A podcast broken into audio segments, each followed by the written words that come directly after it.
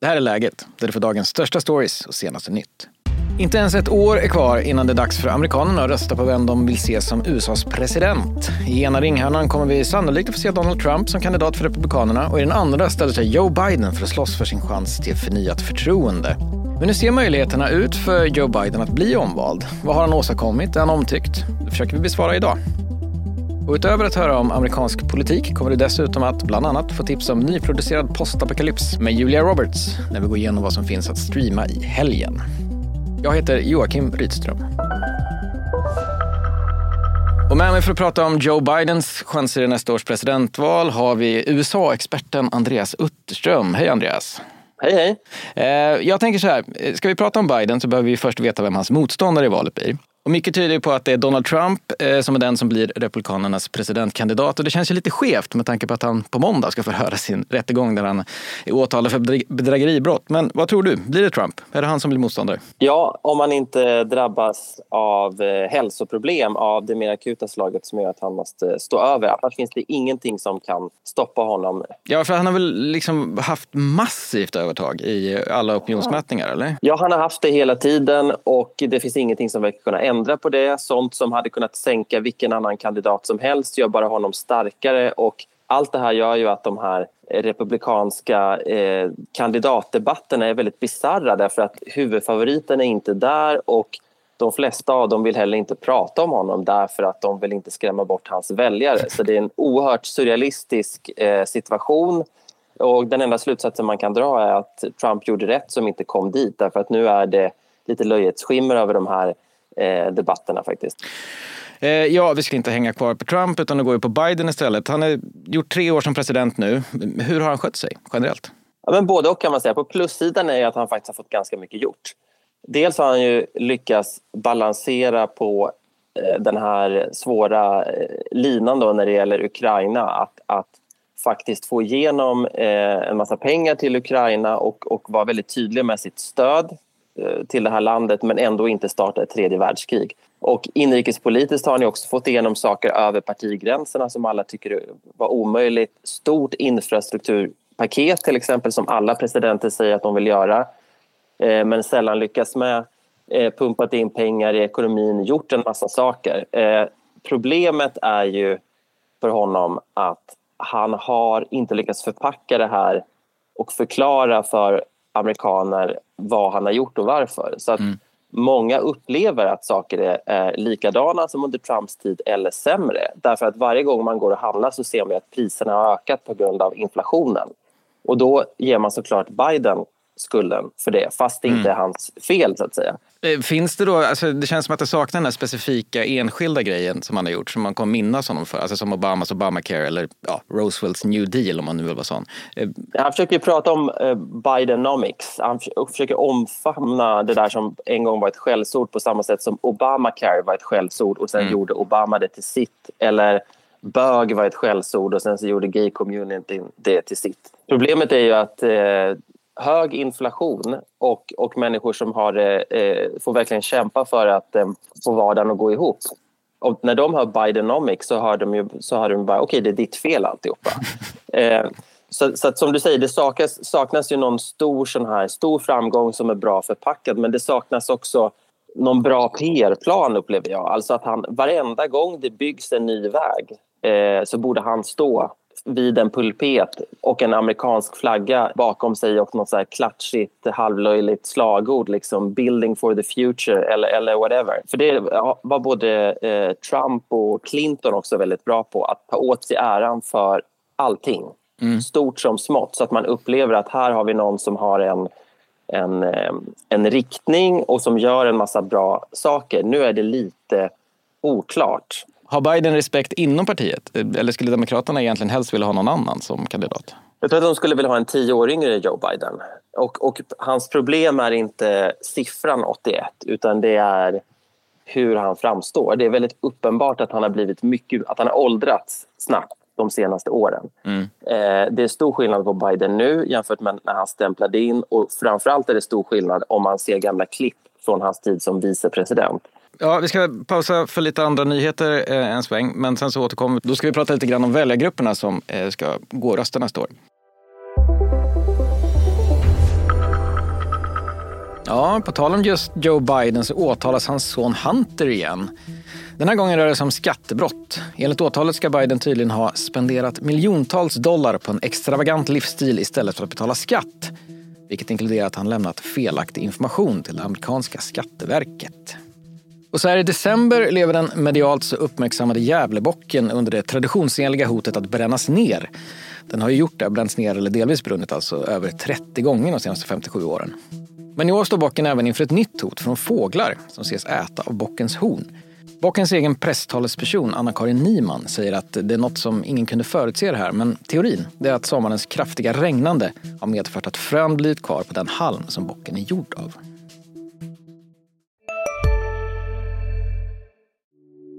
Hej, Ulf Kristersson här. På många sätt är det en mörk tid vi lever i.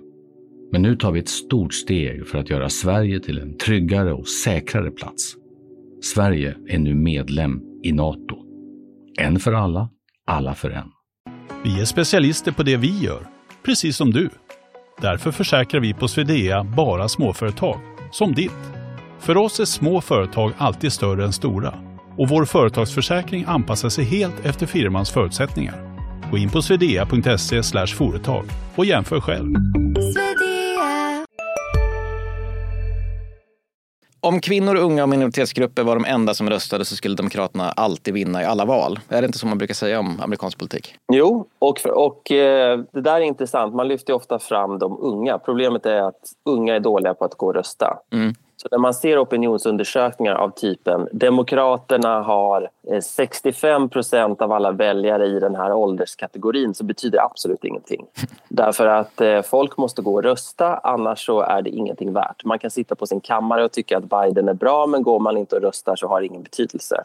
Ehm, och sen är det spännande det där med minoritetsgrupperna. Att Demokraterna är väldigt starka när det gäller till exempel svarta eh, kvinnor men också varit väldigt starka i latinogruppen. Men där kan man se att i latinogruppen så har Trump växt och även bland eh, svarta män. Mm. Eh, och då kan man fråga sig vad det beror på. Jag tror att hela det här PK-kriget har betydelse där och i latinogruppen också att eh, Trump pratar religion och entreprenörskap mm. eh, medan Demokraterna nog har begått ett misstag när de länge har tänkt att hud, din hudfärg är lika med att du är demokrat. Mm. För vi är det parti som eh, liksom är bäst på att ta ansvar för minoriteter och prata om inkludering och sånt. Och då finns det väljare som tycker jag skiter i inkludering. Jag är trött på eh, att det sitter en massa förståsigpåare och tror att de vet allt om mig. Och eh, det har ju visat att bara för att man har en viss hudfärg så betyder det inte nödvändigtvis att man identifierar sig själv eller ser sig själv på ett visst sätt. Men det blir då Battle Royale mellan Biden och Trump igen. Vilka kommer att vara de viktigaste frågorna i valet tror du? Eh, jag tror bara det finns en fråga. Är jag verkligen sämre än han där borta? eh, och eh, jag tror att det kommer handla otroligt lite om sakfrågor. Det kommer handla om eh, Bidens ålder, om Trumps rättsprocesser, om Hunter Bidens eh, brottsmisstankar, mm anklagelser om korruption i båda riktningarna och otroligt lite om de här gamla surdegarna som man egentligen aldrig kommer till rätta med som handlar om eh, utbildning, eh, sjukvård, rättssystem. Eh, därför att eh, jag tror att båda två tänker att ju mer vi pratar om han där borta och ju, ju sämre väljarna tänker om han där borta, desto bättre för mig. Vem vinner då? Jag tror att det är så att om ekonomin går bra, för jag tror det är det det alltid faller tillbaka till. Nu pratar vi mycket om Ukraina, Israel, Palestina. I grund och botten tror jag att den genomsnittliga amerikanen funderar på är det bättre nu än vad det var för fyra år sedan eller inte? Om ekonomin eh, ser bra ut, fördel Biden. Om ekonomin ser dålig ut, fördel Trump. Ja, eh, valåret är igång eh, för att eh, det är först november nästa år som eh, det stora valet kommer och i vår så kommer man ju välja, eller så kommer man ju se vem som blir Republikanernas kandidat. Men det blir ju då sannolikt Trump antar jag. Ja. Mm. Det blir ju om inte annat eh, en medial liten fest. Det är det ju varje år när det är presidentval. Så vi har ju någonting att se fram emot. Det blir bra tv hela nästa år helt enkelt. Det blir verkligen. Det blir bra tv. Eh, men om jag hade varit amerikan och det här det handlar handlat om min egen vardag så hade jag varit djupt deprimerad. Nu kan jag som tur var stå och betrakta detta på, på avstånd och prata om det i Expressen istället. Vi får eh, anledning att återkomma. Tack för idag. Tack så mycket. Och nu blir det några fler korta nyheter. I onsdags som bekant meddelade Säpo att säkerhetsläget i Sverige har försämrats ytterligare sedan terrorhotnivån höjdes från en 3 till en 4 i augusti. Och det är enligt Säpo kriget i Gaza som polariserar och som bidragit till ökad aktivitet bland våldsbejakande extremister i Sverige. Och idag sa justitieminister Gunnar Strömmer på en presskonferens att regeringen hanterar tre parallella hot mot Sveriges inre säkerhet. Det är terrorismen och den våldsbejakande extremismen, olika statliga fientliga aktörer och den organiserade brottsligheten. Per Engström som är kommenderingschef vid nationella operativa avdelningen sa på samma presskonferens att man kan leva som vanligt i Sverige och exempelvis julhandla och gå på konserter. Men att man gärna får vara extra vaksam. Men även om säkerhetsläget är ansträngt så finns lite goda nyheter för den nationella ekonomin. Sveriges BNP steg nämligen mer än väntat i oktober och ökade med 1 procent jämfört med föregående månad. Hej, Synoptik här. Hos oss får du hjälp med att ta hand om din ögonhälsa. Med vår synundersökning kan vi upptäcka både synförändringar och tecken på vanliga ögonsjukdomar. Boka tid på synoptik.se. Vad ska du kolla på i helgen? Det brukar vi besvara här i läget varje fredag och så även idag. Eh, och med oss har vi som vanligt Expressens streamingexpert Mattias Bergqvist. Hej Mattias! Tjena, hur är läget? Det är bra. Det är eh, som jag brukar säga, eller som Sally brukar säga när hon kör här, det är fredag. Exakt, bästa dagen på veckan. Ja, det är det. Ehm, mm. Och ja, du har med dig lite tips idag. Och det är två filmer som har premiärdatum just idag faktiskt. Det är eh, först Netflix-filmen Leave the World Behind med Julia Roberts som producent och huvudroll. Och Mr Robot-skaparen Sam Esmail som regisserar. Och det låter så här. I need to think everything's gonna be okay. Everything is gonna be okay, isn't it? We are seeing ongoing cyber attacks across the country. Okej, en vän till mig brukar referera till såna här filmer som Människor på avlägsen plats möter okänd fara. Stämmer det in på Leave the World Behind också? Det stämmer alldeles utmärkt. Det är väl eh, lite mer så här att det finns en oklarhet när man ser filmen om det är så vad, alltså vad faran är. Mm, mm. Eh, och det är det som är lite grejen. Det blir, efterhand så utvecklas det, får lite ledtrådar men eh, kanske inte riktigt svaret. Det beror lite på hur man, hur man tänker eh, när filmen tar slut. Det här, det här är en film som den, den, den rullar på väldigt, väldigt fint tills den i, alla fall hos mig spårar ur en aning mm. eh, och blir lite lite för, inte bizarr, men eh, den tar liksom en tvärvändning som där man tänker att va, vad hände här? Mm. Uh, så att säga. Men uh, det finns uh, några scener som är fantastiska. Framförallt med Julia Roberts och Mahershala Ali som båda två är favoriter hos mig. Mm. Att, ja, jag gillar båda jag också faktiskt. nästa tips är lite mer hemifrån. Då det är svenskt. Det är nya Beck-filmen Inferno det är den 49 Beck-filmen i rad, så får vi se om den håller måttet. Det låter så här i alla fall. Vad vet vi om offret? Det är en kvinna, knivhuggen till döds. Vad i helvete? Det är en kollega. Vi borde väl ha märkt något. Vad är han egentligen kapabel till? Ja, 49 filmen som sagt. Alltså, känns nästan som en enda lång tv-serie i filmform nästan. Absolut, och det är precis det det är kan man väl säga. eh, faktiskt. Det som är roligt här är ju förstås att Sam Esmail har gjort Leave the World Behind och han gjorde även Mr Robot och samma dag så har Inferno premiär och då är det Martin Wahlström, den svenska skådespelaren som även var med i Mr Robot. Mm. Allting hänger ihop. Allting hänger ihop på ett eller annat sätt. Men det är Martin då, hans rollfigur Josef, som uh, har Eh, är det största fokuset här. Den mm. här Inferno kopplar ihop den förra filmen på ett fint sätt. Det, det liksom lirar in. Annika Sandahl har skrivit ett manus som, som håller eh, och eh, det är spännande. Det här är faktiskt den bästa Beck-filmen sen Sista dagen. Oh. Och det var ett bra tag sen, äh, ska sägas. Och eh, Peter Haber har väl blivit lite mer marginaliserad i de här filmerna, eller? Han tar lite mer, av olika anledningar som jag inte kan gå in på här, så tar han lite mer plats i just den här ah, okay. filmen.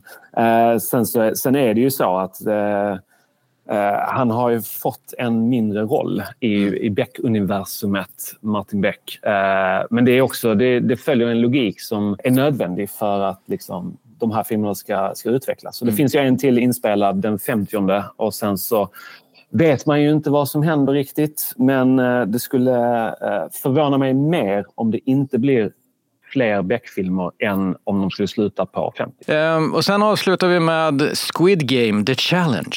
Och det låter så här. Attention all players. It is now time for the next game. Um, serien var ju jag tyckte den, var, alltså den vanliga serien som den bygger på från början, den var så himla härlig och absurd. Eh, men hur är den här reality-varianten då? Jag tycker den funkar absolut liksom, bra. Jag eh, tyckte inte serien eh, var här, härlig. Nej, okej. Okay. tyckte, tyckte att den var ganska dålig. Eh, för att den var klumpigt skriven. Eh, jag köper mycket av tematiken som mm. jag tyckte om. Men eh, den var liksom, nej, det, det håller inte mm. eh, helt enkelt för de avsnitten.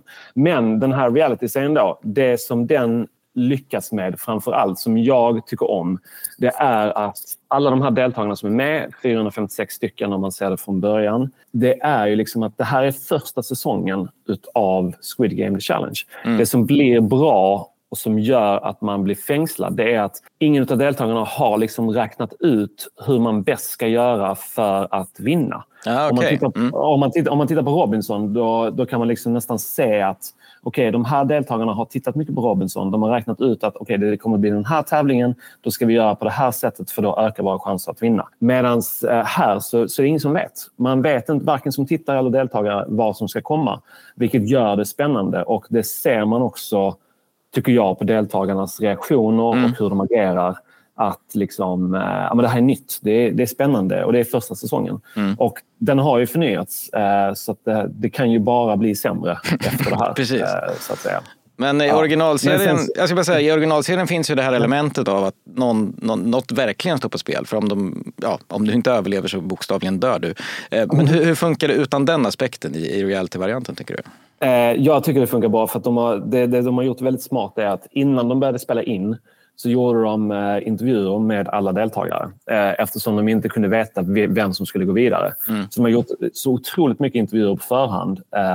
och då får man ju liksom den här aspekten av att men varför ställer deltagarna upp? Jo, de ställer upp av den här anledningen. Mm. eller någon har den här anledningen och någon vill hjälpa sin sjuka mamma och någon vill vinna pengarna av det här skälet. Liksom. Mm. Uh, så då, man, man, får en känsla av att det, det står någonting på spel liksom, mm. för dem. Men naturligtvis är det så att det, det går ju inte att jämföra med att uh, förlorar jag den här tävlingen så är det någon som skjuter mig i huvudet mm. såklart. Yes, men uh, spännande. Jag ska faktiskt kolla på Squid Game där tror jag.